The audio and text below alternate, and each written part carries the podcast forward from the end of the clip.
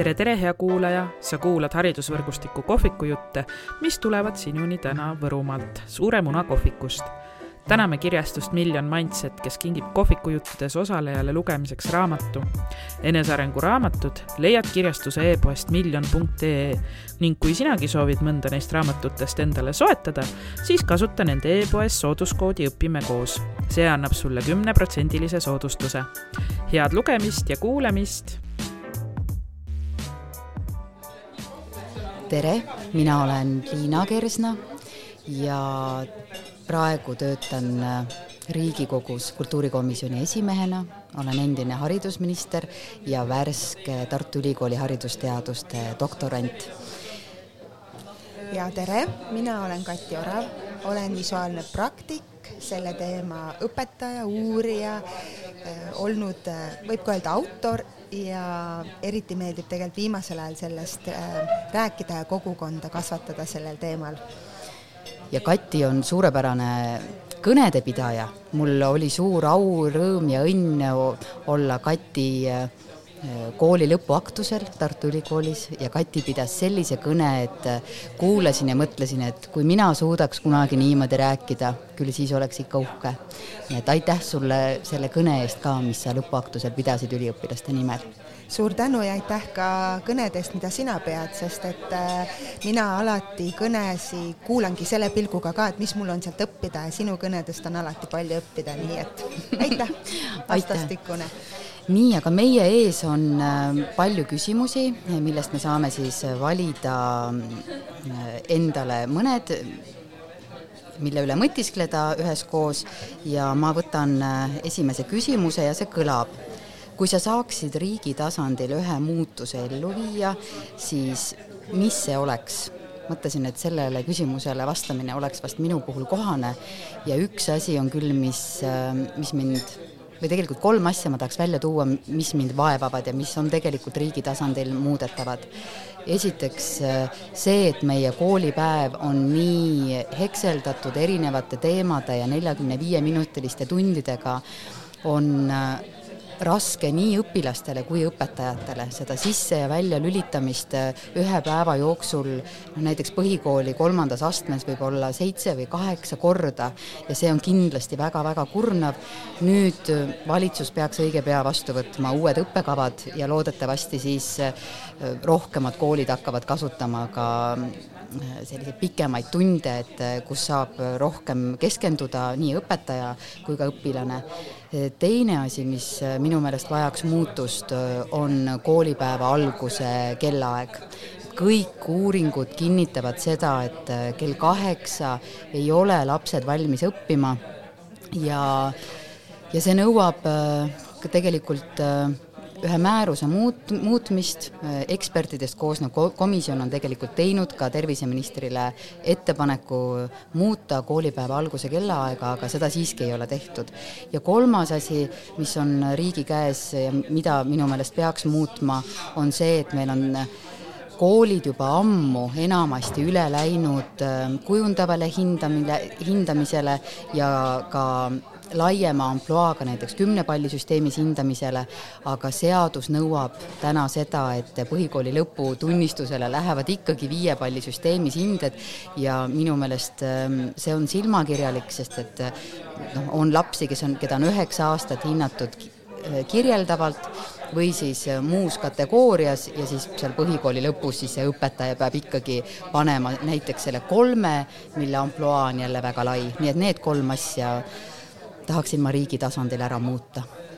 Nii inspireeriv kuulata, sest et äh, ma ei ole poliitikas, aga kui oleks võimalik, ma kirjutaks kahe käega kõigile neile kolmele alla ja ma arvan, et ma võin sellesama küsimuse üle korraks mõtiskleda, kui noh, ühelt poolt ma võiks öelda jah, et kui ühe valdkonna selline entusiast, siis mulle meeldiks riigi tasandil näha seda, et abc ja ühe-kahe-kolme õppimise kõrvale tuleb ka siis see kujundite ja sümbolite õppimine, sest see on nii oluline meie kujutlusvõime arenguks, kujutlusvõime arenguks siis äh, selleks, et meie loovus oleks jätkusuutlikult püsiv kuni meie eluea lõpuni ja loovus on ju asi, mis äh, avab kõik uksed. ükskõik, kus sa lähed, kui sul on loovus, oskus olla loov, siis äh, see on, see on see, mis teeb tänapäeval siis nii-öelda uksed lahti. aga kui lapsevanem, siis on üks teema, millele ma olen mõelnud, on siis B-keel ja kui äh, mina siis hetkel mõtlen seda, et võtta oma laps B-keelelt äh, koduõppele, et ta saaks õppida teist keelt, mida meie väike kool siin Võrumaal ei võimalda ja see on täiesti arusaadav. Ja see pani mind tegelikult mõtlema, et äh, kuna B-keele juures siis on vaja, et oleks koolil omakorda üks õpetaja, kes siis oskab minu last hinnata, et mis on, kas õppekava täidetud, mis tasemel ta on, kes ei tohi olla see, kes õpetab samal ajal minu last siis äh, oleks vaja luua äkki selline süsteem, kus oleks olemas nüüd need võimalike erinevate keelte õpetajad, kes pakuks sellist tuge koolidele, et mina kui lapsevanem ei peaks seda ise otsima ja ka kool, vaid ta ütleb, keegi tuleb, ütleb, mul on olemas jaapani keele õpetaja oma lapsele, kas teil on pakkuda see inimene, kes teda siis kontrollib? et kui selline süsteem oleks, siis see toetaks väga palju.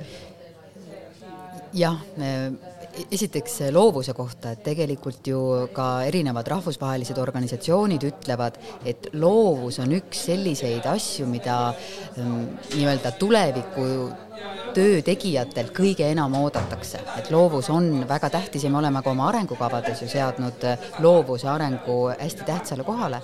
ja mis puudutab teist äh, võõrkeelt, siis äh, jälle ma usun, et see saab ka riigi tasandil tehtud, et B-võõrkeele valikul peab, peab pakkuma valikut, et täna enamasti mm, pakutakse vene keele õpet ja seaduses on, et võib pakkuda valikut, kui on koolil võimalus, aga eesmärk on, et, et kool peaks pakkuma ja tõenäoliselt siin saab tulla appi ka erasektor, nagu näiteks on need eraõpetajad, kes on koondunud omale platvormile, et kool saab sisse osta endale ka näiteks veebipõhist õpet, miks ja, mitte?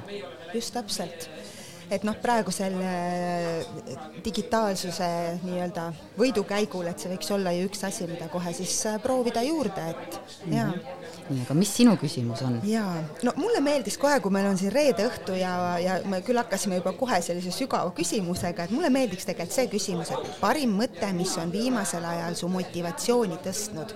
ja minule, kui hetkel on hästi aktuaalne mulle selline kogukonna loomine, mõttekaaslaste leidmine, siis on selline ütlus John Lennoni poolt, et äh, unistus, mida sa unistad üksi, on ainult unistus. unistus, mida sa unistad koos teistega, on reaalsus. ja, ja see on, kuidagi kannab mind nüüd praegu, et toetada sellel teel, et mitte olla üksi oma unistusega, vaid kindlasti on neid veel, kes tahavad seda täita. ja tõenäoliselt on selle mõte ka see, et äh, välja öeldud sõna on alati tegu ja. kui sa oled juba midagi välja öelnud, siis ta hakkab elama oma elu ja kui veel teised Äh, need, seesamane loodud kogukond annab sellele hoogu, siis on oluliselt suurem tõenäosus, et see saab tehtud. ja, ja praegu ka tuli meelde, et on tegelikult ju Simon Sinek ka niimoodi öelnud, et, et tõelised äh, liidrid äh, ei annagi alla mitte, mitte ei jätka mitte enda pärast, vaid jätkavad teiste pärast. et neil juba on tegelikult need inimesed, kelle nimel seda teha, eks ju, jah. Aga sinul, kas sul on ka see küsimus? ja ma jäin mõtlema selle peale, et ähm, võib-olla ma, see on äh, natukene filosoofiline, aga siiski, et see praegu äh, kõnetab mind väga, et äh, Toomas Paul rääkis oma aastalõpu intervjuus või meenutas lugu kolmest küünlast, usust, lootusest ja armastusest. ja sellest, kuidas tuli tuul ja puhus ära armastuse küünla ja kuna armastuse küünal oli kustunud, siis tuul puhus ära ka usuküünla ja siis otsustas lootus, et, ähm, et tema saab äh, taas panna põlema nii armastuse küünla kui ka usu küünla.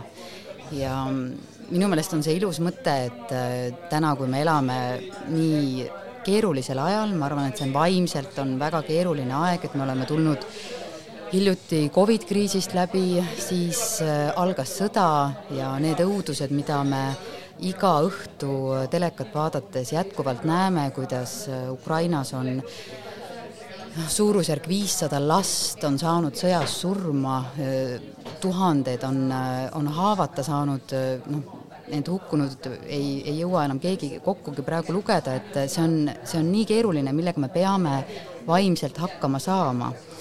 Ja, ja siis äh, on hea mõelda selle peale, et, äh, et on usk, lootus ja armastus ja lootust ei tohi kunagi kaotada, siis jäävad ka armastus ja usk. nii mõnus, aitäh selle eest no vot, millise maailma nimel tegutsed Kati, millise maailma nimel sa tegutsed? mul on isegi kirjutatud omale ühte faili. Mingid sellised laused, et ma unistan maailmast, kus iga inimene teab ja julgeb kasutada joonistamist mõtlemise tööriistana. Ja mõtlemise all siis pean silmas seda kõike, mis on siis mõtlemine, kui on see, et meil on seal teadlik õppimine, teadlik koostöö, teadlik eneseareng, et äh, see on see maailm, mille nimel ma tegutsen. mul on pandud kirja isegi, et kümme miljonit ja enam inimest nakatada sellega nii et äh, ah.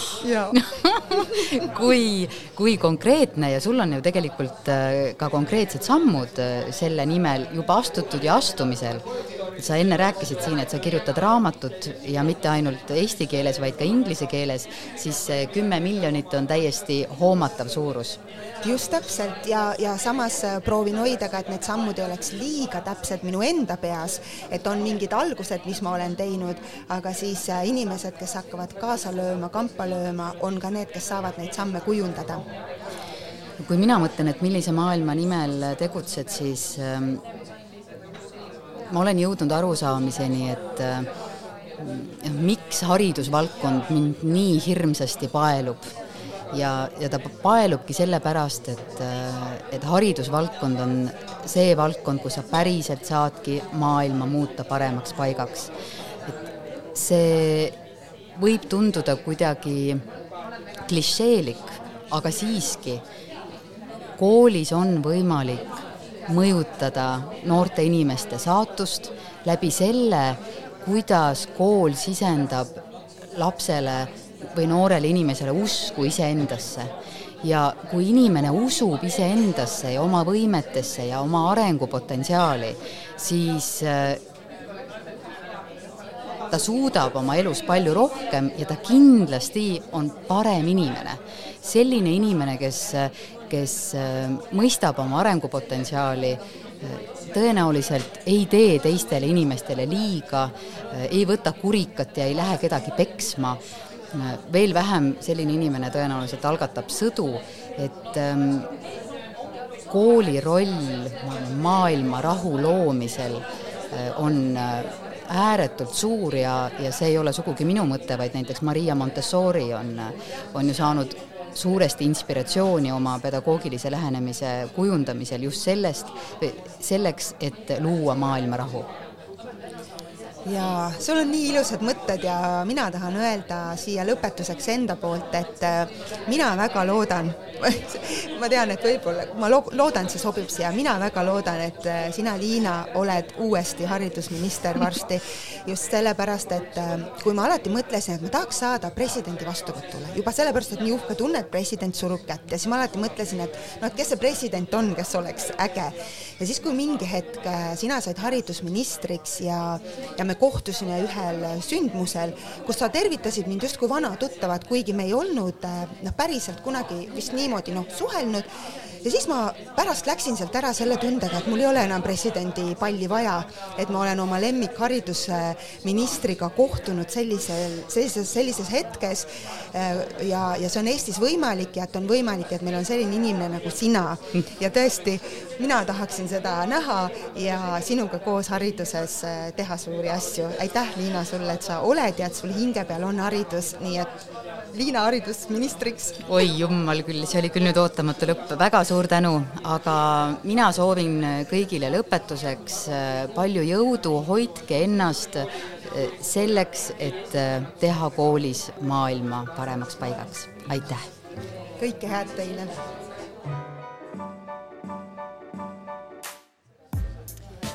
Tere, head kuulajad, mina olen Kadri Treial ja minu kõrval istub.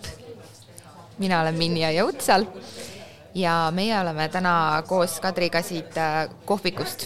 teeme teile podcasti.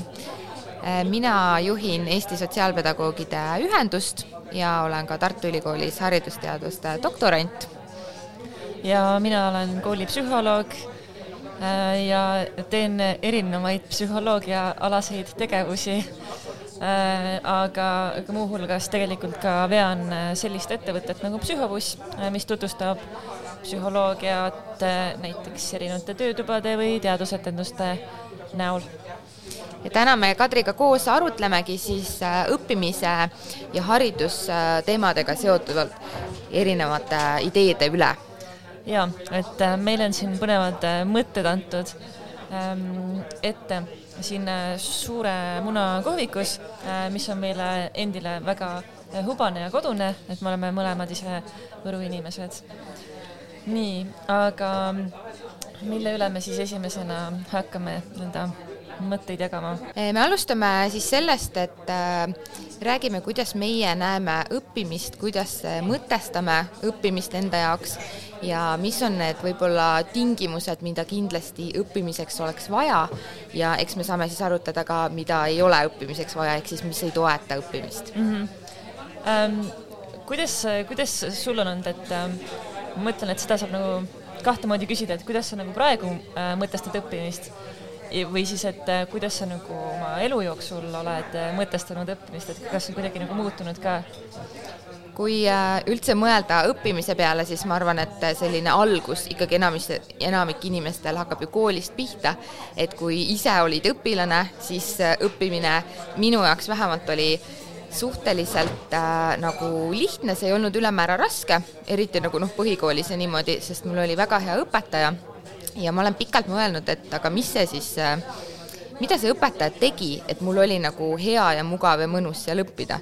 et, äh, et kindlasti äh, mina arvan, et see selline õppimise baas on ikkagi turvalisus, et me tunneme ennast selles keskkonnas mõnusalt, turvaliselt, meil ei ole nagu sellist lisapinget või stressi et noh, sina psühholoogina ka kindlasti väga hästi tead, kuidas need errorid seal ajus tekivad, kui me, kui me ei tunne ennast turvaliselt. Ja ma olen sellele mõelnud, et äh, ma arvan, minu esimene õpetaja tekitaski sellise mõnusa äh, õhkkonna, kus iga laps tundis, et, et ta on väärtuslik, oluline, tema mõtted olid oodatud ja, ja eksimine oli lubatud, et, et eksimine oligi õppimisprotsessi osa ja seda pigem nagu julgustati. Et, et see on selline minu nagu õpitee algus, mida ma ise ka endale olen nagu kaasas kandnud ja mõelnud, et kuidas siis luua see, et õpilastel oleks huvitav, nad tahaksid õppida ja neil ei oleks see selline tüütu ja raske vaev nagu noh, nagu väga palju ikkagi koolis, koolis kohtame mm. -hmm. kuidas sinuga? ja see, kui sa rääkisid esimesest õpetajast, et ja mul ka kohe meenus tervitused Ülle Noppelile Parksepa keskkoolist, et, et ta ütles esimese klassi junsudele sellise asja, et ähm, kõik on läbirääkimiste küsimus ja nagu see, selles mõttes ma mõtlen nagu siiani selle peale, et kuidas on see võimalik, et üks täiskasvanud inimene ütleb mingi kuue, seitsme, kaheksa-aastastele väikestele pätakatele midagi sellist. et, et see siiamaani selles mõttes mõjub mulle hästi et äh, ma olen sinuga nõus, et need esimesed kogemused on hästi olulised. aga minu jaoks õppimine on ähm, kogu aeg olnud midagi, noh, lihtsalt nagu sellist, et äh, kuidas nagu maailmast aru saada, et kuidas, kuidas nagu seda mõista, et et selline hinnete peale tegemine mulle ei ole meeldinud ja mind hullult on häirinud äh, ebaõiglus, kui, kui keegi on noh, kas siis näiteks Äh, spikerdanud, aga mitte ainult, või näiteks on tuupinud midagi selgeks ja ta saab oma selle noh, mingi maksimumi lähedase tulemuse kätte ja mina püüan ju asjast aru saada ja äh, noh, sarnaselt sinule, minul ei ole ka nagu õppimine olnud äh, keeruline, aga aga jah, et, et üritan asjast aru saada ja võib-olla vastan oma sõnadega ja siis, kui see ei ole sobinud mingisugusele õpetajale või et siis, siis see on minu meelest olnud nagu hästi ebaõiglane.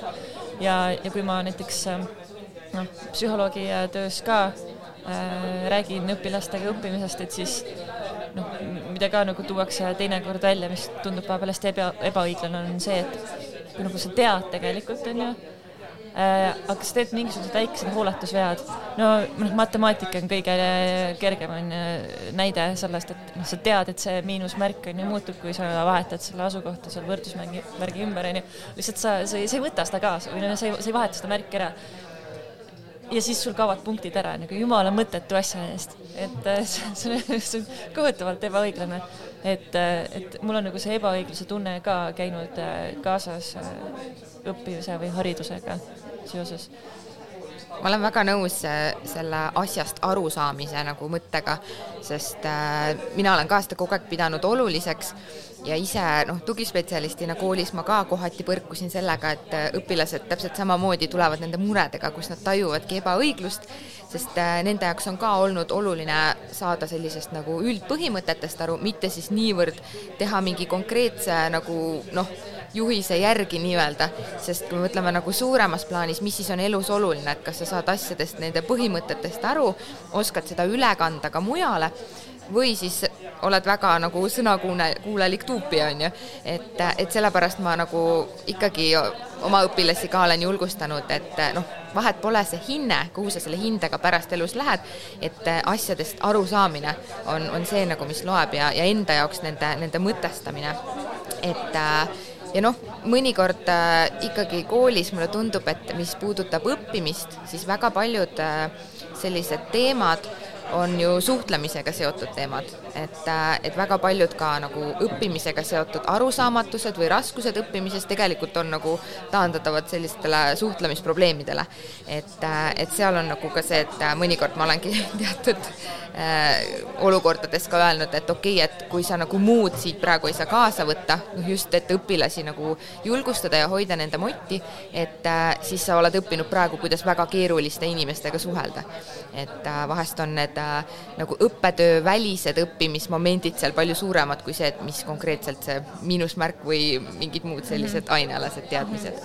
just, ja noh, nii palju räägitaksegi sellest, et äh, kui oluline on äh, see, et noh, noh lõimimisest räägitakse, et õppeainete lõimimisest, aga, aga noh, päriselus ka on ju, et, et sul on vaja aru saada sellest, et et, et ühte ja sama mõistet on ju kasutatakse väga erinevates olukordades ja Äh, just äh, hiljuti oli see eelmise nädala Hommikanuga saade vist, äh, kus käisid füüsikud rääkimas ja üks neist, ma ei mäleta, kumb ta oli, ütles, ütles ka seda, et, et noh, tulevikus ka on, ei noh, tegelikult juba praegu kõige rohkem hinnatud need noh, töötajad või, või inimesed, kes suudavad väga erinevaid valdkondi omavahel kokku tuua, on ju.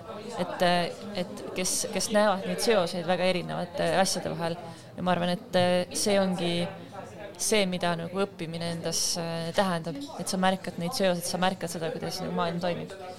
jah, ja õppimise puhul ma arvan, et selliste ütleme, tänapäeva kooli see roll ikkagi peaks olema see, et anda kaasa need õpioskused, võib-olla selline sihikindlus, julgus eksida Äh, kuidas näha seda laiemat pilti ja täpselt luua neid seoseid, sest kui võrreldes siis mitte niivõrd need nagu konkreetsed kitsad ainealased teadmised, sest ega meie ju täpselt ei tea, et mida need lapsed hakkavad tulevikus tegema, aga kui neil on olemas nagu oskus õppida, oskus eesmärke seada, reflekteerida oma tegevuse üle, siis vahet ei ole, mida nad hakkavad tegema. et nad saavad nagu elu jooksul nii palju paindlikke erinevaid radu käia, et äh, sest neil on see selline hea, hea pagas nagu olemas.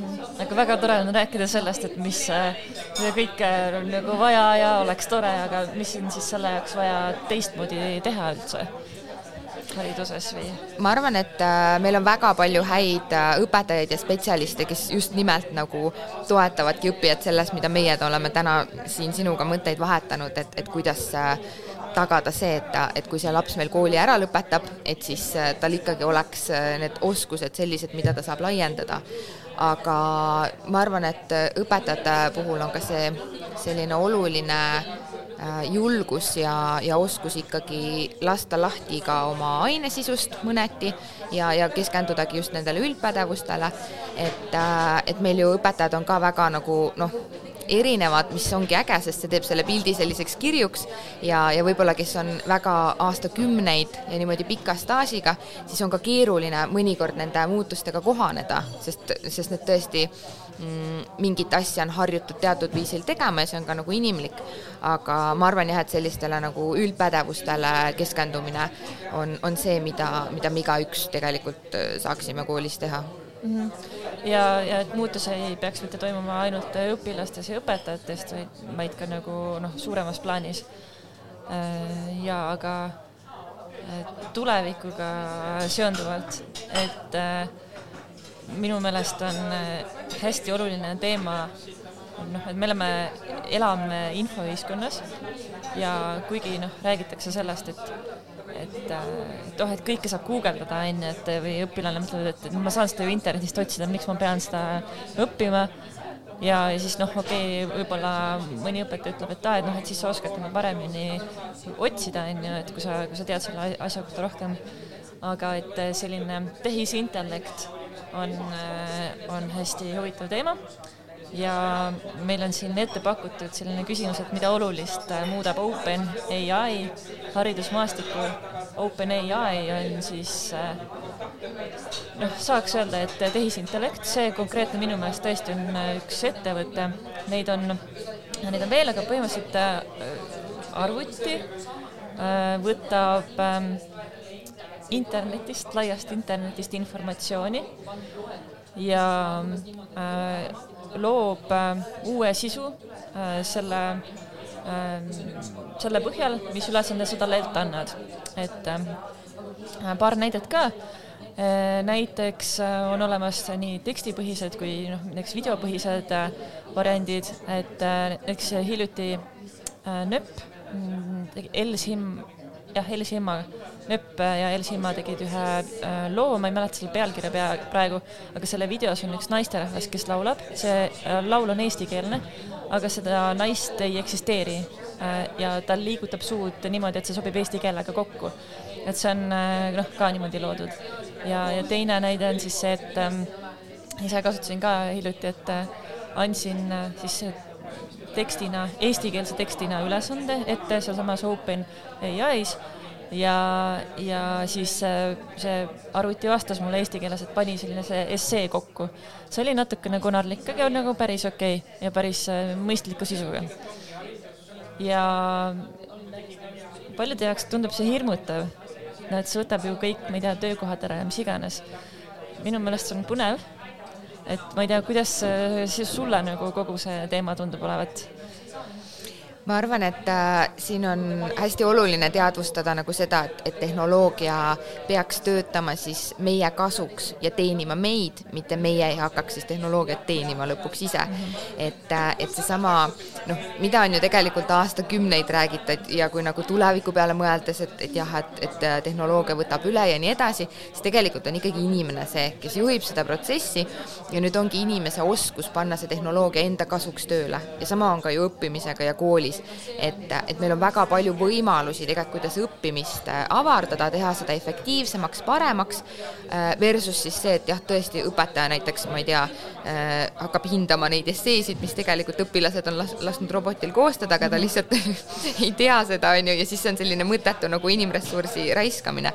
et sellepärast on, ma arvan, oluline, et me kõik käiksime nagu ühte jalga selles osas ja, ja teadvustaksime, et mis need, mis on need meie tugevused, mida me saame tehnoloogiaga teha paremini, efektiivsemalt ja, ja panna see ennast teenima, mitte et me mm, ei raiskaks seda enda ressurssi selle peale, et tehnoloogiaga nagu kuidagi võidelda. sest äh, siin on väga palju positiivset, mida me saame kasutada. Ja, ja kohati need hirmud on ka, ma arvan, sellega seotud, et iga tundmatu asi on ju loomulik, et see, see tekitab hirmu. Ja samamoodi nagu kunagi kardeti, et kui tuleb kino, et siis inimesed enam, ma ei tea, teatris ei käi, on ju, siis noh, reaalselt äh, tegelikult ma arvan, et äh, et äh, need hirmud on ka, tulenevadki sellest sellisest noh, teadmatusest ja, ja ettevaatlikkusest mm. -hmm. ja ma usun, et kui me õpetame tulevaid, tulevasi põlvkondi ähm, selle tehnoloogiaga ümber käima, et seda tõesti nagu efektiivselt kasutama, siis see muudab noh, kogu meie ühiskonda ka nutikamaks et, et see on ka hästi oluline, et, et tõesti kasutame nagu enda kasuks seda seda nutikust, mis me juba loonud oleme, nagu veel rohkem ära, et me oleme siis, suudame olla veel tõhusamad ja efektiivsemad, on ju. et kui palju asju, mida me praegu juba teeme, on sellised, mis on, mida me suudame tänu tehnoloogiale, tänu leiutistele teha palju kiiremini äh, kui, kui varem, on ju. kas või see, et äh, noh, kellelegi helistamine versus kirja saatmine, on ju. et ähm, ja, ja minu meelest haridusmaastikul on oluline Äh, just õpetada nende kasutamist. et, äh, et selles mõttes, et kuidas nüüd öelda, see, tõesti, nagu sa ütlesid, et, et, ähm, et alguses võib-olla mõeldakse, et õpilased kasutavad seda nagu halval eesmärgil ära, on ju, et lasevad noh, ülesandeid enda eest ära teha, et ja, ja võib-olla mõni õpetaja mõtleb, et äh, et, et ikkagi nagu vanakooli moel on vaja ka asju teada, on ju, et siis ähm, Äh, jah, nende nagu mingite valemite ja teadmine on oluline, aga see on selle jaoks, et siis suudaks nagu veel keerulisemaid ülesandeid nendele arvutitele äh, ette sööta, et me suudaks äh, noh, veel keerulisemaid või ke veel keerulisematele pro probleemidele lahendusi leida. et ma ei tea, kui arusaadav see mõttekäik mm -hmm. oli ja, ja ma arvan, et siin tuleb lihtsalt meeles hoida kogu aeg seda, et, et õpetaja ikkagi on selle protsessi juht ja, ja ka laiemas mõttes nagu inimene on äh, see, kes juhib äh, tehnoloogiat, et, äh, et tegelikult noh, siis on ka võib-olla ülesanne valesti püstitatud, kui juhtub see, et, et see tehnoloogia ei teeni enam meid ja, ja nüüd üks näide ka, mis psühhobussi tõhusas õppimises, mida igaüks saab tellida meie kodulehelt, väike reklaam. et mis, mis ma alati toon, on, on näide arvutitest, kellele õpetati vahet tegema Äh, oma tankidel ja vaenlase tankidel. arvutite õpetamine käib niimoodi, et, et sa söödad ette informatsiooni, sa ütled, et mis informatsiooniga on tegu ja noh, siis oli ka nii, et äh, näidati oma tanki pilti, öeldi, et see on oma tank ja vaenlase tanki pilt, et vaenlase tank. Äh, ja võib-olla olid vahepeal veel pildid, et noh, et see ei ole tank. aga mis siis juhtus, oli see, et nagu ikka, pärast õppimist on vaja teadmisi kontrollida, onju Äh, kontrolliti teadmisi ja avastati, et kogemata õppis arvuti ära selle, kuidas teha vahet ilusatel piltidel ja koledatel piltidel. mis sa arvad, Minni, miks, äh, miks see nii juhtus? väga huvitav, et arvuti hakkaski eelistama siis ilusaid pilte või ta lihtsalt tegi vahet? et, et, et ta arvas, et, et ähm, jah, et, et ta kategooris, kategoriseeris äh, pildid nagu kaheks, et ilusad ja koledad pildid, mitte et oma tankid ja vaenlase tankid väga huvitav, ma ei oska isegi pakkuda no see oli äh, sellepärast, et äh, õppis kogemata ära vale asja, vaata see on seesamune asi, tunne nagu, kui sa oled äh, õppinud kontrolltööks onju ja siis äh, sa oled, aa, ma tean küll seda asja, et see oli seal õpikus lehekülg kuusteist onju, aga mis äh,, mis asi see oli, seda ei mäleta.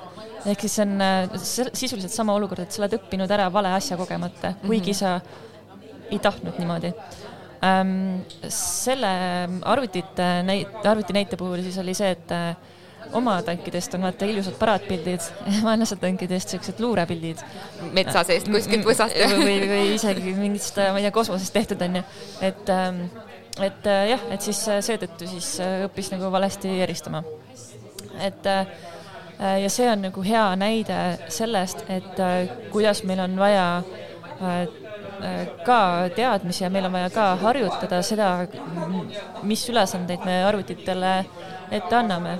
et ähm, seetõttu on, äh, ma arvan, oluline seda just nagu julgustada õpilasi, et aga tehkegi oma essee, tehkegi oma essee selle OpenAI-s ja vaatame, mis saab, on ju, et kes püstitab kõige parema ülesande äh, sellele arvutile jah, sest need on kõik võimalused, mis meil on olemas ja, ja mõistlik on neid kasutada, lihtsalt õppida tundma niimoodi, et, et meie huvisid saaksime paremini rakendada.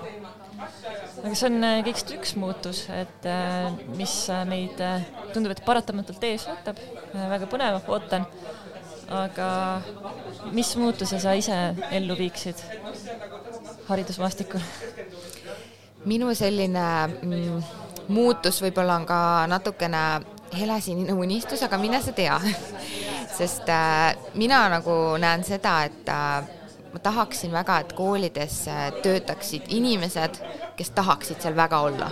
et, et kõik, kes õpetajad, kes hommikul ja üldse koolitöötajad sammud sinna seavad, tunnevad, et jah, see on see koht, kus ma tahan olla mitte ma ei ole seal sellepärast, et mul ei ole võib-olla paremaid karjäärivalikuid või äh, ma, see on see, mida ma olen nagu aastaid teinud. et äh, minu jaoks väga palju on näha ka seda, et äh, see keskkond, mida me ise loome nii oma väikses klassiruumis kui ka koolis laiemalt, et kui inimesed tahavad seal olla, nad naudivad seda, eh, nad naudivad laste ja noortega töötamist, koos tegutsemist, siis tegelikult ju kõikidel on ju seal mõnus olla. aga kui, eh, kui meil nagu silm ei sära ja, ja me südames ei taha seal olla, siis äh, seda noh, seda inimesed tunnevad, seda on näha. et, et kuidagi äh, võib-olla ühtepidi siin on see, et, et julgustada inimesi ka tegema neid valikuid, et kui ma tunnen, et mind see enam nii ei kõneta või ma südames nagu enam ei, ei, enam ei sära seal, et siis äh, seda julgust, et jah, ma teengi mingi muu karjäärivaliku, et äh, ja tegelikult neid võimalusi on ju hästi palju.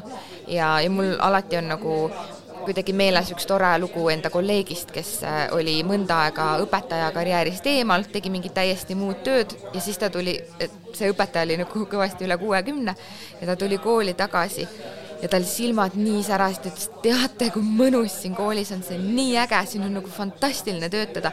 et just see, et, et käige vahepeal ära kuskil mujal ja, ja vaadake, mis nagu toimub ja siis võib-olla mõnikord me ei oska hinnata seda väärtust, mis meil on, et mhm. selline silmade särades nagu tegutsemine, ma arvan, on see, mis, mis on nagu kõigile kasulik mm. -hmm. ja huvitav on ju see, et, et mõnes teises erialas on äh, nii, et, et on okei okay,, et sa teedki, ütleme, viis aastat äh, ja, ja siis sa teed, noh, võib-olla midagi oma erialaga seonduvat, aga, aga nagu mitte enam päris sedasama asja aga nagu õpetajate puhul äh, kõlab see lausa hirmutavalt, kui ei teegi mingi nelikümmend aastat äh, oma sama teed, onju.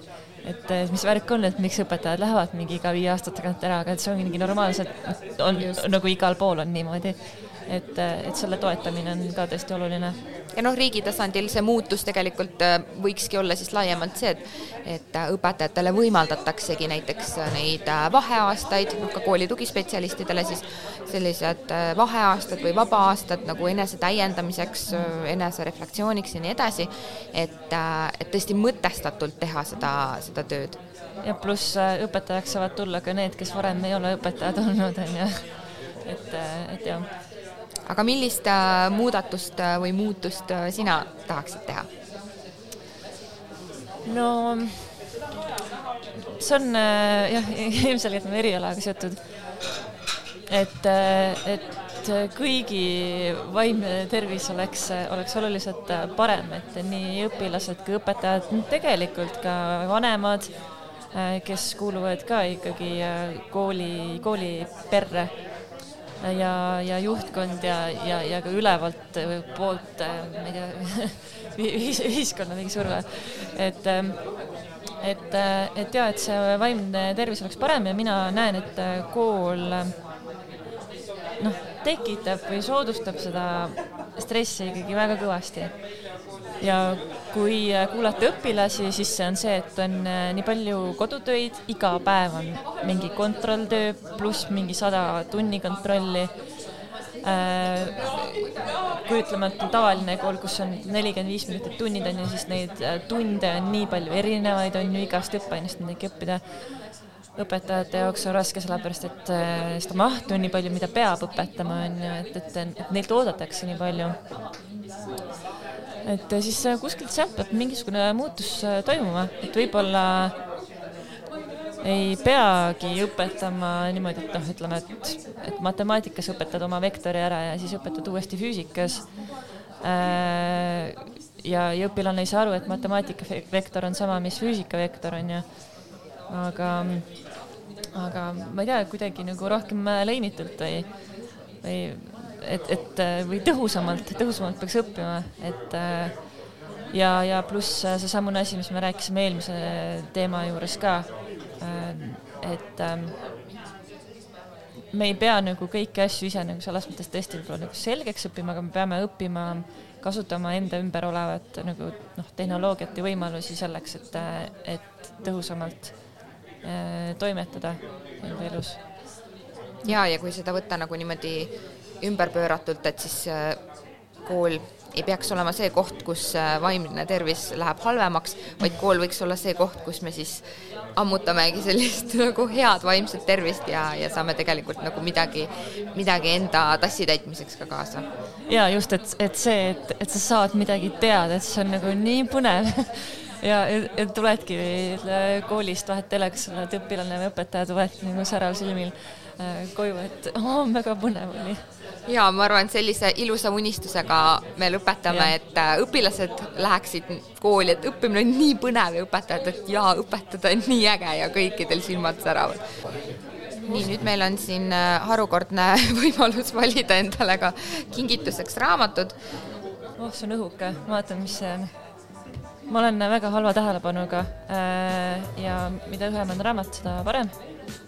see õhuke raamat on saavutatud? kuidas muuta ideede ja strateegiate elluviimine kiireks, läbipaistvaks ja lihtsalt mõõdetavaks? teate, ma usun seda raamatut, sest see on äh, õhuke ja ta ütleb, et äh, kiirelt äh, ja tõhusalt ja mis iganes. ma võtan selle.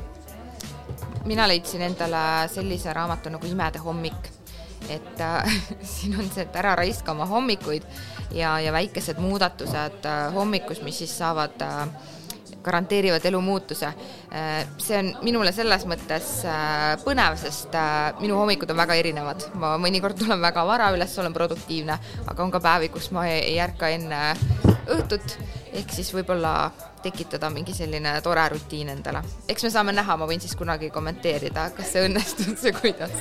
teeme nii, aitäh kuulajatele. aitäh.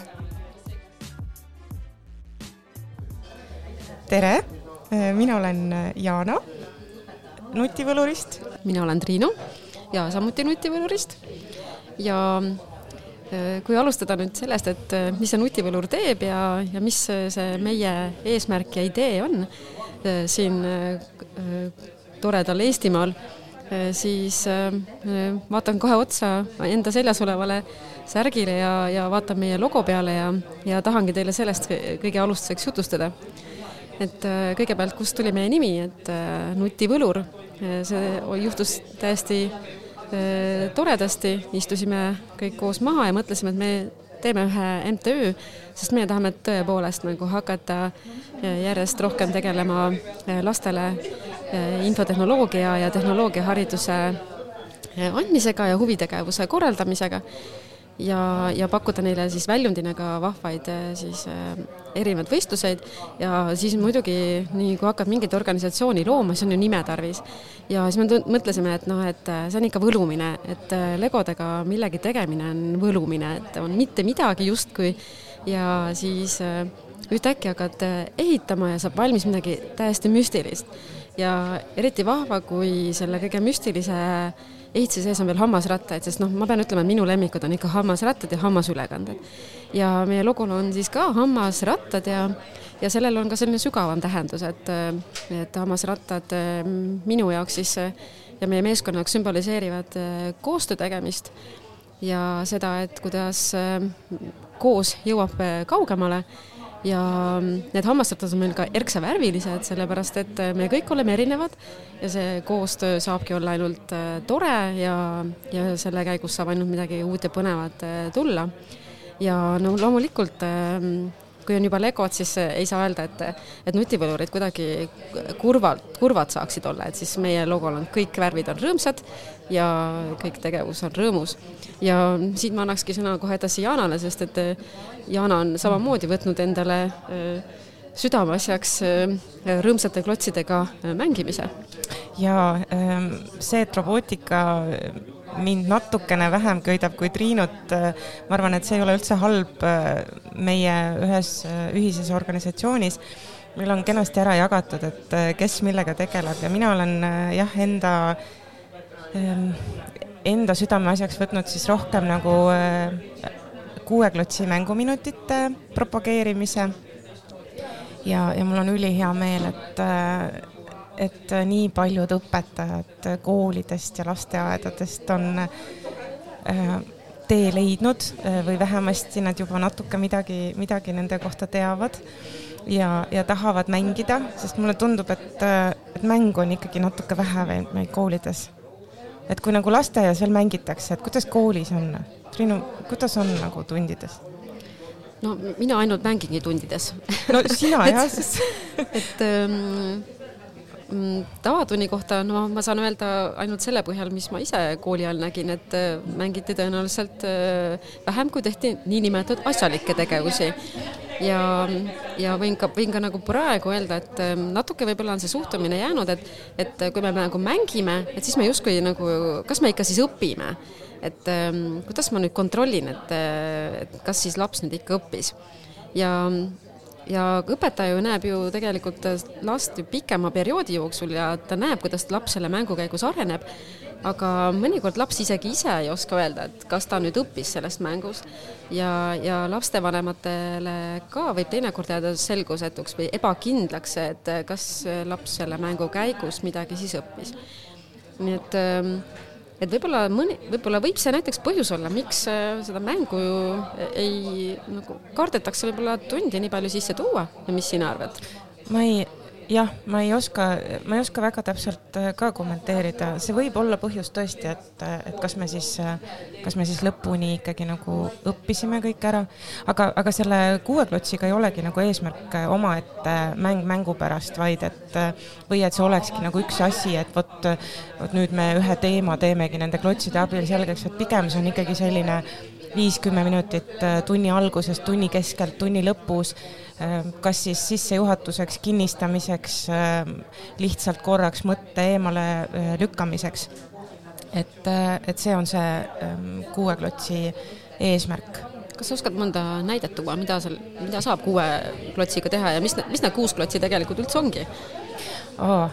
kuus äh, tupla kaks korda neli äh, erksevärvist klotsi, muide klotsi värvid on täpselt samasugused nagu meie nutivõluri hammasrattad nii et, et kõik need värvid, klotse ja, ja põhimõtteliselt on need tõesti sellised, et, et kui tuleb õpetaja, no näiteks on ma toon näite selle kohta, kui, eh, mida meie oleme vaata teinud, eh, kui meil on robootikalaager olnud, vaata, mulle see hästi meeldib. et kõigepealt on eh, klotside abil oleme selle eelmise päeva kokku võtnud või siis need ootused nagu läbi arutanud, aga see, et kui sa ikkagi nagu selle klotsikuubiku endale pähe paned ja üritad siis istuda vaikuses ja kuulata oma järgmist ülesannet, siis, siis ilmselgelt kõik kuulavad ja, ja neil ei ole aega nagu samal ajal noh, võimalustki samal ajal nagu millegi muuga tegeleda, kui ainult õpetaja kuulamisega mm.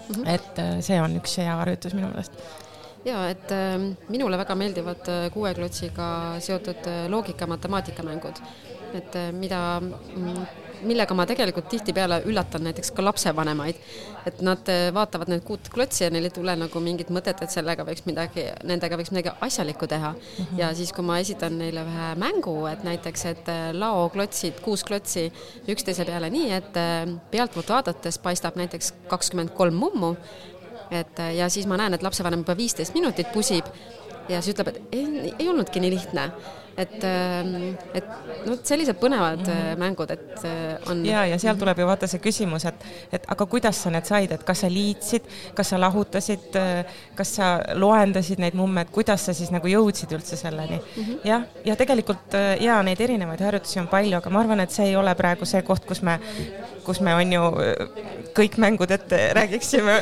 aga natukene huvi tekitamise mõttes ja, ja, ja et, just, et oleks ka siis arusaadav, et millest me siin räägime mis meile võib-olla iseenesest juba mõistetav isegi on mm. -hmm. nii, aga ma tahaksin rääkida veel ühel teemal ja see on see, et millised on need inimesed, kes mind inspireerivad ja ja kuidas mina siis nendega omamoodi noh, sarnane olen või kuidas ma nende ka siis nende poolest siis nagu erinev olen. Mhm. see on et, see küsimus nüüd, mis, mis meil siin oli, et meil oli kolm, kolm küsimust vaja valida, et see on nüüd üks üks, millele me nüüd siis vastama hakkame. ja, ja kuna ma juba koostööga alustasin, siis äh, see küsimus nagu kõnetas mind nagu kõige enam, et et ma tundsin, et äh, see on just see, millele ma tahaksin täna siin äh, seda natukene avada ja mina, minu, minu jaoks väga inspireerivad inimesed on need, kes, kellega ma kohtun kolmapäeviti kell seitse Skype grupis. Ja see on selline müstiline asi nagu robootikaõpetajate vestlusminutid, mis on juba toimunud ähm, päris mitu õppeaastat. Ja nii müstiline, kui see ka ei ole, tõepoolest kell seitse õhtul tuleb kokku teatud grupp robootikaõpetajaid, et rääkida, kuidas on läinud nädal ja millised on olnud selle nädala rõõmud ja mured ning kes lahkelt jagavad oma ideid, mis nad on tunnistanud ja siis, ja siis omavahel arutatakse ka teemasid, mida, mis oleks vaja teha, kas koos midagi arendada, koos midagi mm, välja mõelda, mingeid ühiseid projekte teha või, või, või siis näiteks, et kuidas mingile üritusele õpilastega minna. et see on äärmiselt tore et ma ei, ei tea, et, et Eestis oleks mõnda teist sellist õpetajate gruppi, kes niimoodi regulaarselt kohtuksid. Ja ma pean ütlema, et see on, see on tõeliselt inspireeriv olnud, et et jah, ja mis, mille poolest see, mis see sarnasus on, et see sarnasus on see entusiasm ja see tahe õpetada ja tahe noortele robootikaharidust ja üleüldse tehnoloogiaharidust anda soov nendega koos tegutseda. et äh, ma arvan, et noh, selle poolest ma nagu noh, tunnen, et ma sarnanen nendega ja erinevusi on võib-olla keerulisem öelda, aga erinevused on peamiselt see, et me kõik asume Eesti erinevates piirkondades, et see on ehk meie kõige suurem äh, erinevus. Et tõepoolest äh, ei ole oluline, et kas see, et viia robootikatunde läbi Tallinnas või siis siin Võrus või Rõuges, et, et meil on ühised teemad ja me ühiselt jagame neid et aga Jana, ma küsin sinu käest, et kes sinu jaoks on need inspireerivad inimesed sinu ümber? Mm, mul on tegelikult ümberringi hästi palju inspireerivaid äh, inimesi, keda ma jälgin, äh, vaatan, äh, kuulan, erinevad podcastid ja, ja raamatud, mida mul viimasel ajal olen palju lugema hakanud. aga kui ma nüüd tõesti nagu selle Äh, selle oma, oma teema sisse lähen, siis ma pean välja tooma ikkagi nagu selle Brent Hutchistoni Lõuna-Aafrikast, kes äh, kes selle kuueklotsi mänguminutit ehk siis äh, Back to basics with six bricks nagu mm, välja mõtles või et, et sellega nagu välja tuli, et et ta endiselt on hästi aktiivne nagu praegu ka ja, ja lendab mööda maailma ringi ja samamoodi niimoodi äh, mõnusal äh, sellisel mm, noh, nagu sellisel natuke vanaisalikul moel, on ju, on noh, et vaata, et kui ta meil noh, koolitust ka tegi, et ta noh, ei ole kuidagi nagu selline, noh, mina niisugune hullult üle voolav, vaata.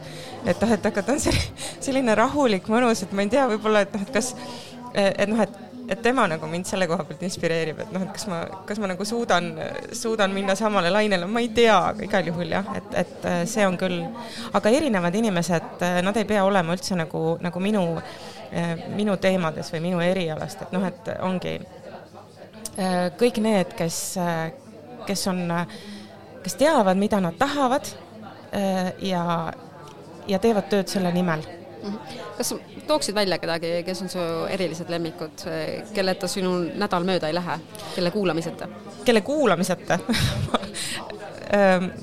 Õpime koos podcast'i ma kuulan küll kogu aeg, kui see välja tuleb. Ja, ja siis üks, üks inimene, keda ma, keda ma väga jälgin, on haridusmentor Triinu, nii et, et noh, et ilma, ilma temata mul küll nagu ükski päev mööda ei lähe, sest ta postitab ka nagu väga ähm, regulaarselt nii et vot. ja mina küsiks eh, sinu käest eh, siit laua pealt ole, laua peal olevate siis väikese armsate lehekeste peal olevate küsimuste seast, millise maailma nimel sina tegutsed?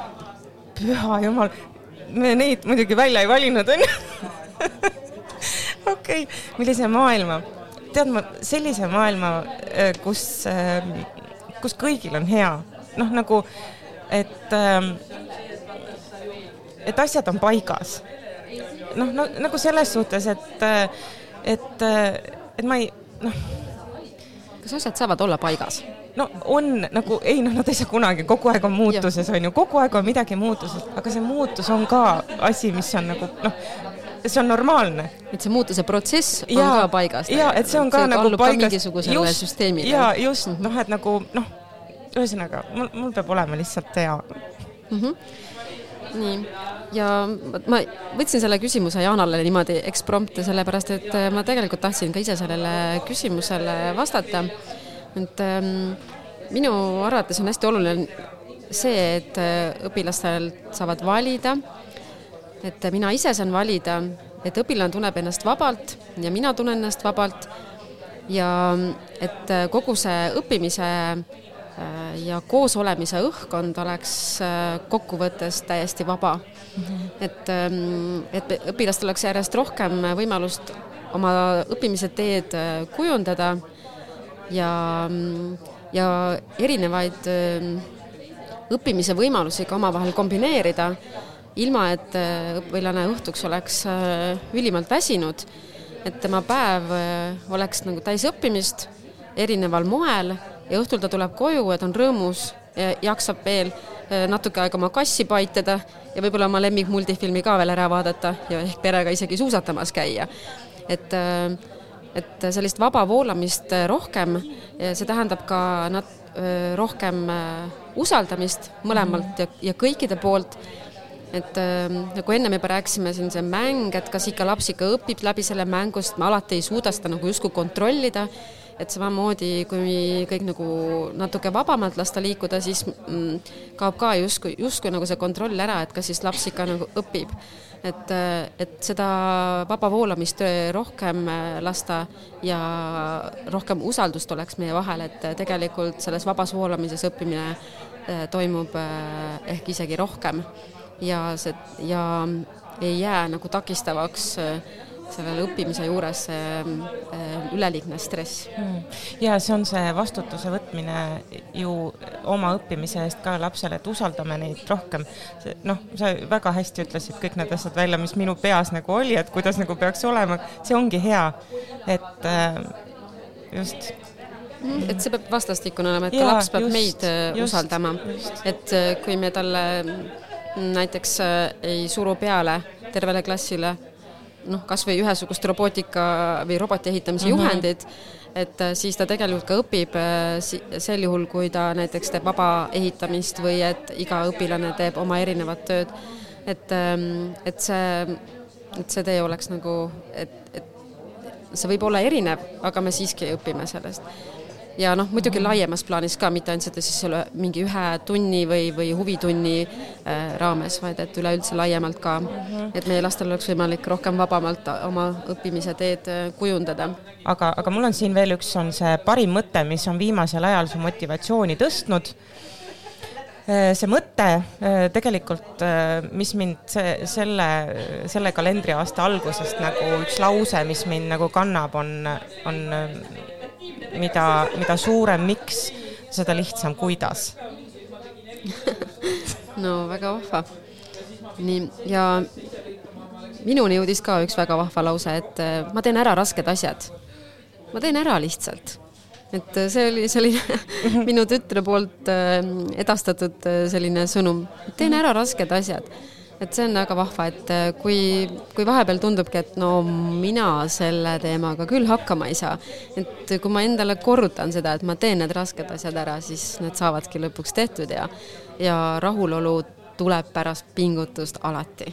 me saime, me saime raamatud, äh, ülitore, äh, mis sa, jaa, saime valida, ülitore. tahad alustada, Triinu, või? jaa, mina esiteks äh, kohe sellepärast valisin äh, selle raamatu, sest et see on tõepoolest särav, kollane, jäi kohe silma. Ja siin on äh, pealkiri ja nii lüüakse läbi ja ma mõtlesin, et voh, see peab see minu raamatuks täna saama.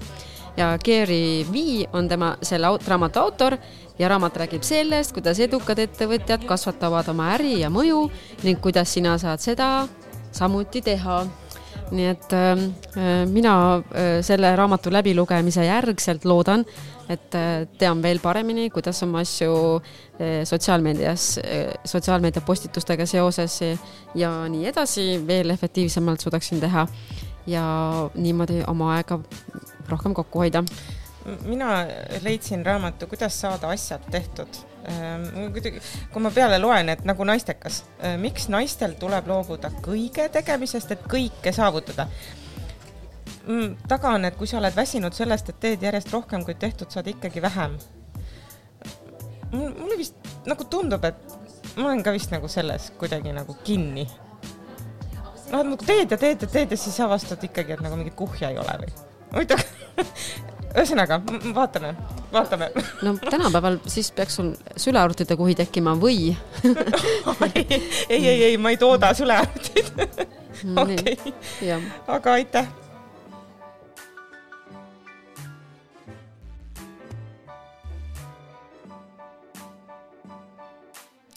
tere, mina olen Sigrid, olen sellisest ettevõtmisest nagu Lõoke. Meil on ka eraldi saade Õpime koos.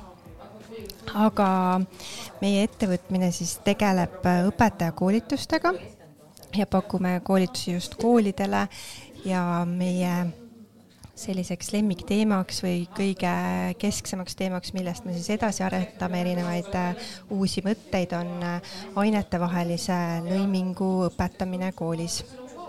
ja sellest tuleb ka meie nimi Lõoke. Ehk siis lõimime õppeaineid oma klassiruumis eesmärgistatult. minuga koos on siin üks väga-väga tore inimene.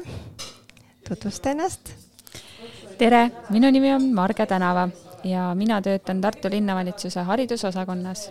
Mm, peamiselt äh, kohtume tihti õpetajatega ja koolijuhtidega selle nimel, et äh, üle linna oleks äh, asjad tehtud võimalikult hästi ja võimalikult ühes rütmis, ühtsustundes, ütleks võib-olla Äh, muidu olen äh, lapsevanem ja oma valikuid tihti teen lähtuvalt sellest, äh, ehk siis kõik, mida otsustan, otsustan läbi selle, et mida minu laps arvaks näiteks või kuidas temal oleks hea.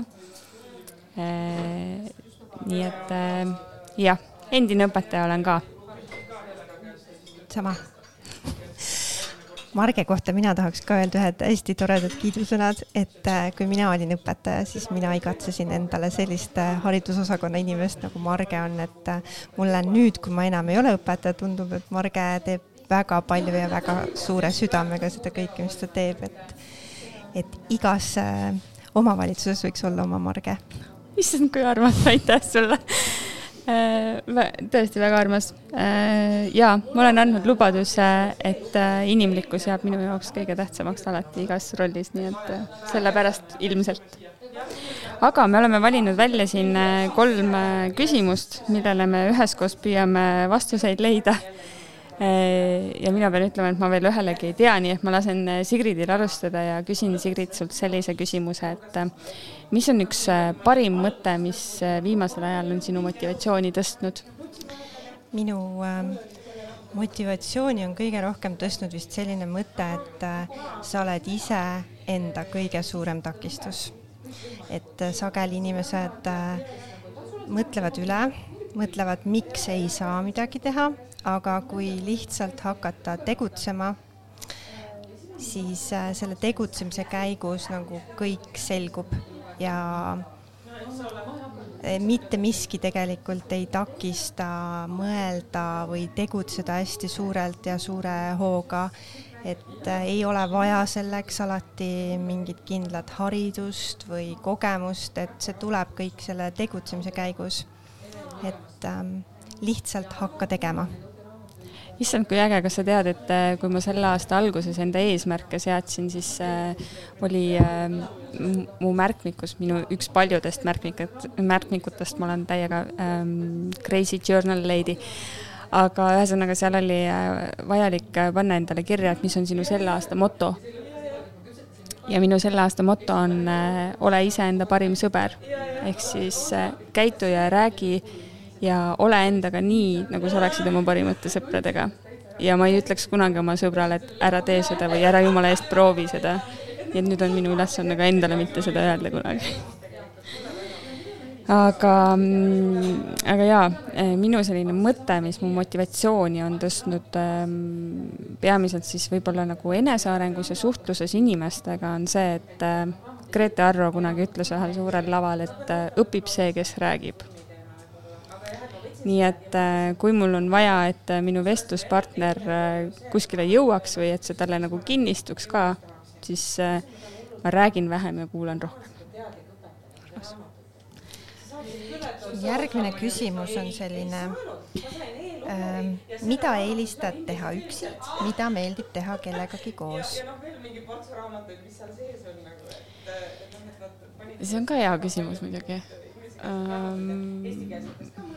ma arvan, et noh, tulles tagasi nende märkmikute juurde näiteks, siis äh, ma kindlasti kirjutada armastan üksi ma tihtipeale mõtlengi kirjutades, mulle väga meeldib kirjutada, sellepärast on mul väga hea meel, et õpime koos mulle andis äh, võimaluse blogis äh, neid saadete kokkuvõtteid võtta, et ma kuidagi nagu rahunen kirjutades.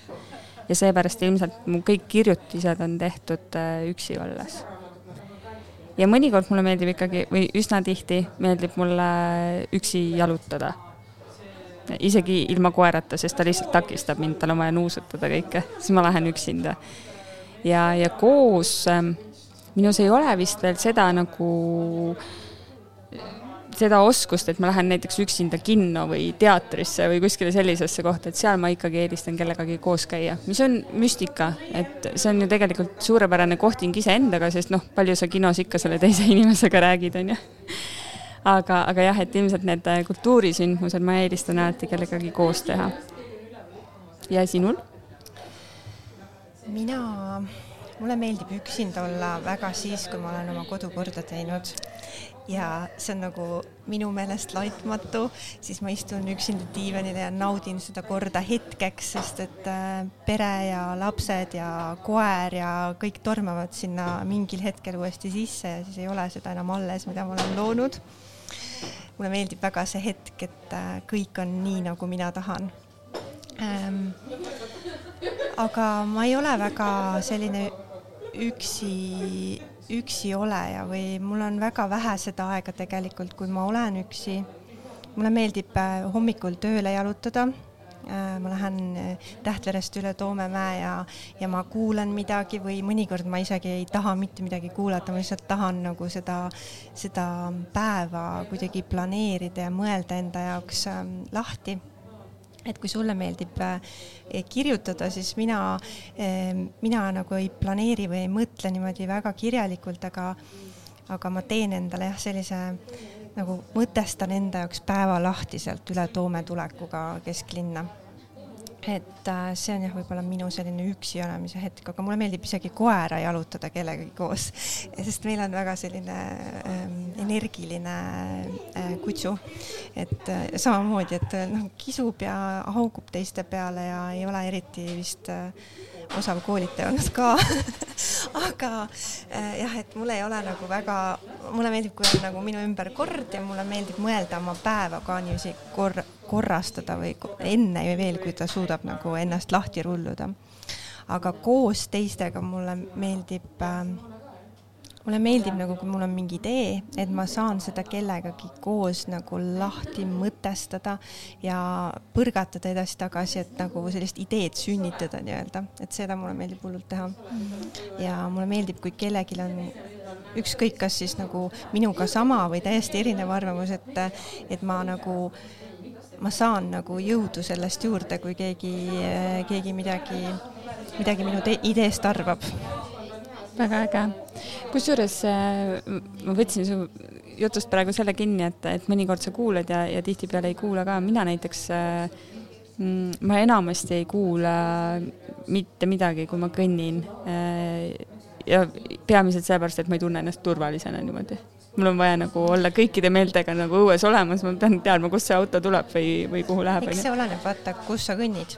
et äh, mina äh, elan lihtsalt sellises piirkonnas, kus väga vähe autosid liigub või minu tee peal ei ole autosid, et äh, et ma tulen läbi kahe pargi põhimõtteliselt tööle ja mingi paar korda ainult üle autotee minna, et siis on selline suhteliselt turvaline, aga jah, ma, ma saan aru sellest, et kui on nagu teistsugused olud nii nüüd on äh, meie kõige sügavam küsimus äh, ja mul on juba, juba joos, ma tunnen, et siit on tekkimas mingi lisaarutelu aga küsimus ise on selline, millise maailma nimel tegutsed? see on väga, see on väga raske küsimus või noh, väga suur küsimus, et et kui palju üldse üks inimene saab maailma muuta, ta saab muuta nagu midagi saab, aga nagu lõputult äh, mitte, et on vaja sellist koos tegutsemist ja võib-olla see sellise koostöise maailma äh, nimel tegutsengi. et ma tahan, et inimesed julgeksid ja pakuksid ja oleksid valmis äh, mõistma võib-olla kõigepealt, et äh, suured asjad tehakse ära ikkagi koos ja seejärel siis oma ideid, oma, oma plaane nagu tutvustama ja otsima seda koostöökohta teistega. ma olen hästi nõus ja. sinuga ja koostöösus äh, kõnetab mind ka. Äh, aga, aga kui ma mõtlen nagu selle peale, et mida mina ennast, endas võib-olla hästi palju kannan, on ähm, selline nagu hea tahtlikkus ja hea soovilikkus ehm, mul on päriselt usku sellesse, et mitte kellelgi ei ole õigust teha ega öelda kellelegi halvasti, ükskõik millistel tingimustel, et me peame jääma lugupidavaks lõpuni välja. ja, ja mis tahes asi on sinu minevikus juhtunud või mis tahes on sul praegu halvasti, sul ei ole õigust seda mitte kellegi peale välja valada, sest me peame jääma üksteisega lugupidavaks, me peame olema ennekõike inimlikud, sest muidu me lihtsalt ei püsi. jah, tore on mõelda ka niiviisi, et et mitte keegi ei ole tegelikult ju halb, nagu kõik inimesed on kunagi siia ilma sündinud äh, armsate, puhaste, äh, heade lastena ja see headus on tegelikult kõigi sees olemas. lihtsalt võib-olla enda tegude, käitumise, suhtumisega me saame selle uuesti nagu nende seest kätte. Väga ilusti öeldud. aitäh sulle, Sigrid, selle vestluse eest. Aga tegelikult üks asi on veel, mina valisin endale siit ka ühe raamatu. Ja selle raamatu pealkiri on äh, Õpetaja otse ja ausalt ja ma valisin selle tegelikult äh, võib-olla äh, sellepärast, esiteks ma ei ole seda veel lugenud, aga äh, minu mineviku pärast, et äh, ma tahan teada, kas see noor kena õpetaja, kes siin on, ka on tundnud seda kõike, mida, mida mina õpetajana äh, tundsin et äh, tundub põnev. eks siis näis. minul on nii, et äh, ma ei tea, kas äh, Signe lubab mul üldse raamatut valida või mitte sest minu meelest ma alles ühes teises podcast'is ühe sain ähm,. igal juhul äh, mina valiks siit sellise raamatu nagu Müü ise või müüakse sulle ähm, kuidas saavutada enda elus ja äris juhtpositsioon. ja mitte sellepärast, et ma väga müüki usun, isegi natuke närvi ajavad need müügimehed igal pool, aga, aga pigem ähm, sellepärast, et mul on äh, selline suuremal määral endasse vaatamise aasta ja mul on tunne, et see võiks mind aidata võib-olla saada enesekindlamaks, et teha seda, mis köidab päriselt. Nonii, tehtud. tehtud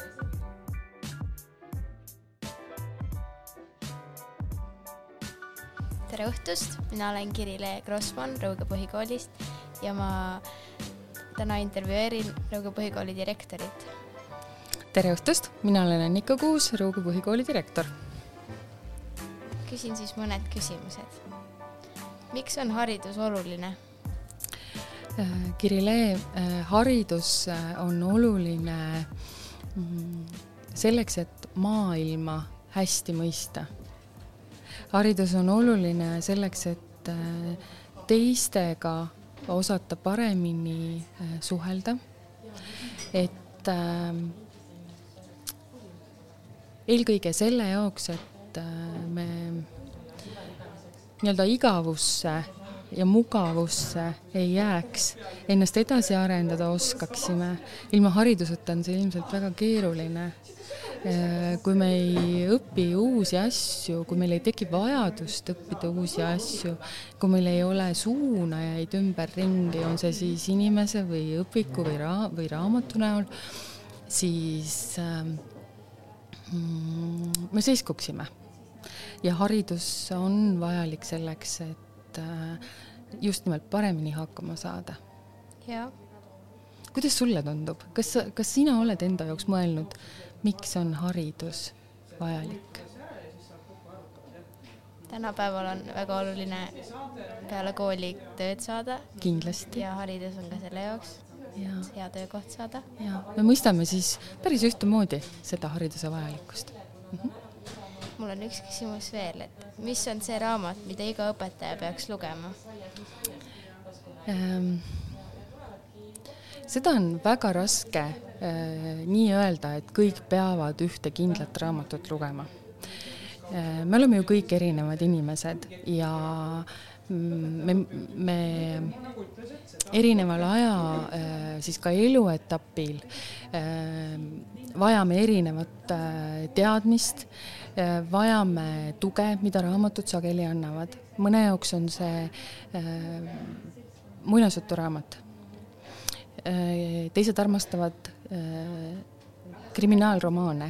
ma tean näiteks õpetajat, kes puhkabki sedasi, et ta loeb krimkasid ja see annab talle seda nii-öelda jõudu, see aitab tal välja lülitada, see aitab tal puhata ähm, kellegi jaoks on armastusromaanid väga tähtsad, kellegi jaoks on teadusartiklid need, mida ta lugemata jätta ei saa.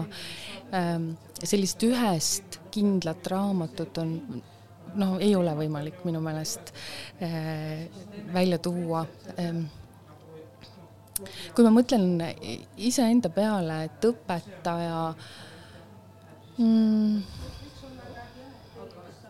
selleks, et äh, oma lapsi, keda ta õpetab, paremini mõista äh,, võiks olla läbi lugenud äh, mõne raamatu, mis noh, näiteks täna populaarne on, ta võiks teada sellest, siis on lihtsam võib-olla mõista ka mõnda lapse mõtet Äh, võib-olla suhestuda paremini, võib-olla näiteid tuua paremini, aga minul on praegu raske öelda, et vot selle konkreetse pealkirjaga raamat on see kõige tähtsam. aga kas on mõni raamat, mida sa soovitaksid õpetajatele mm.?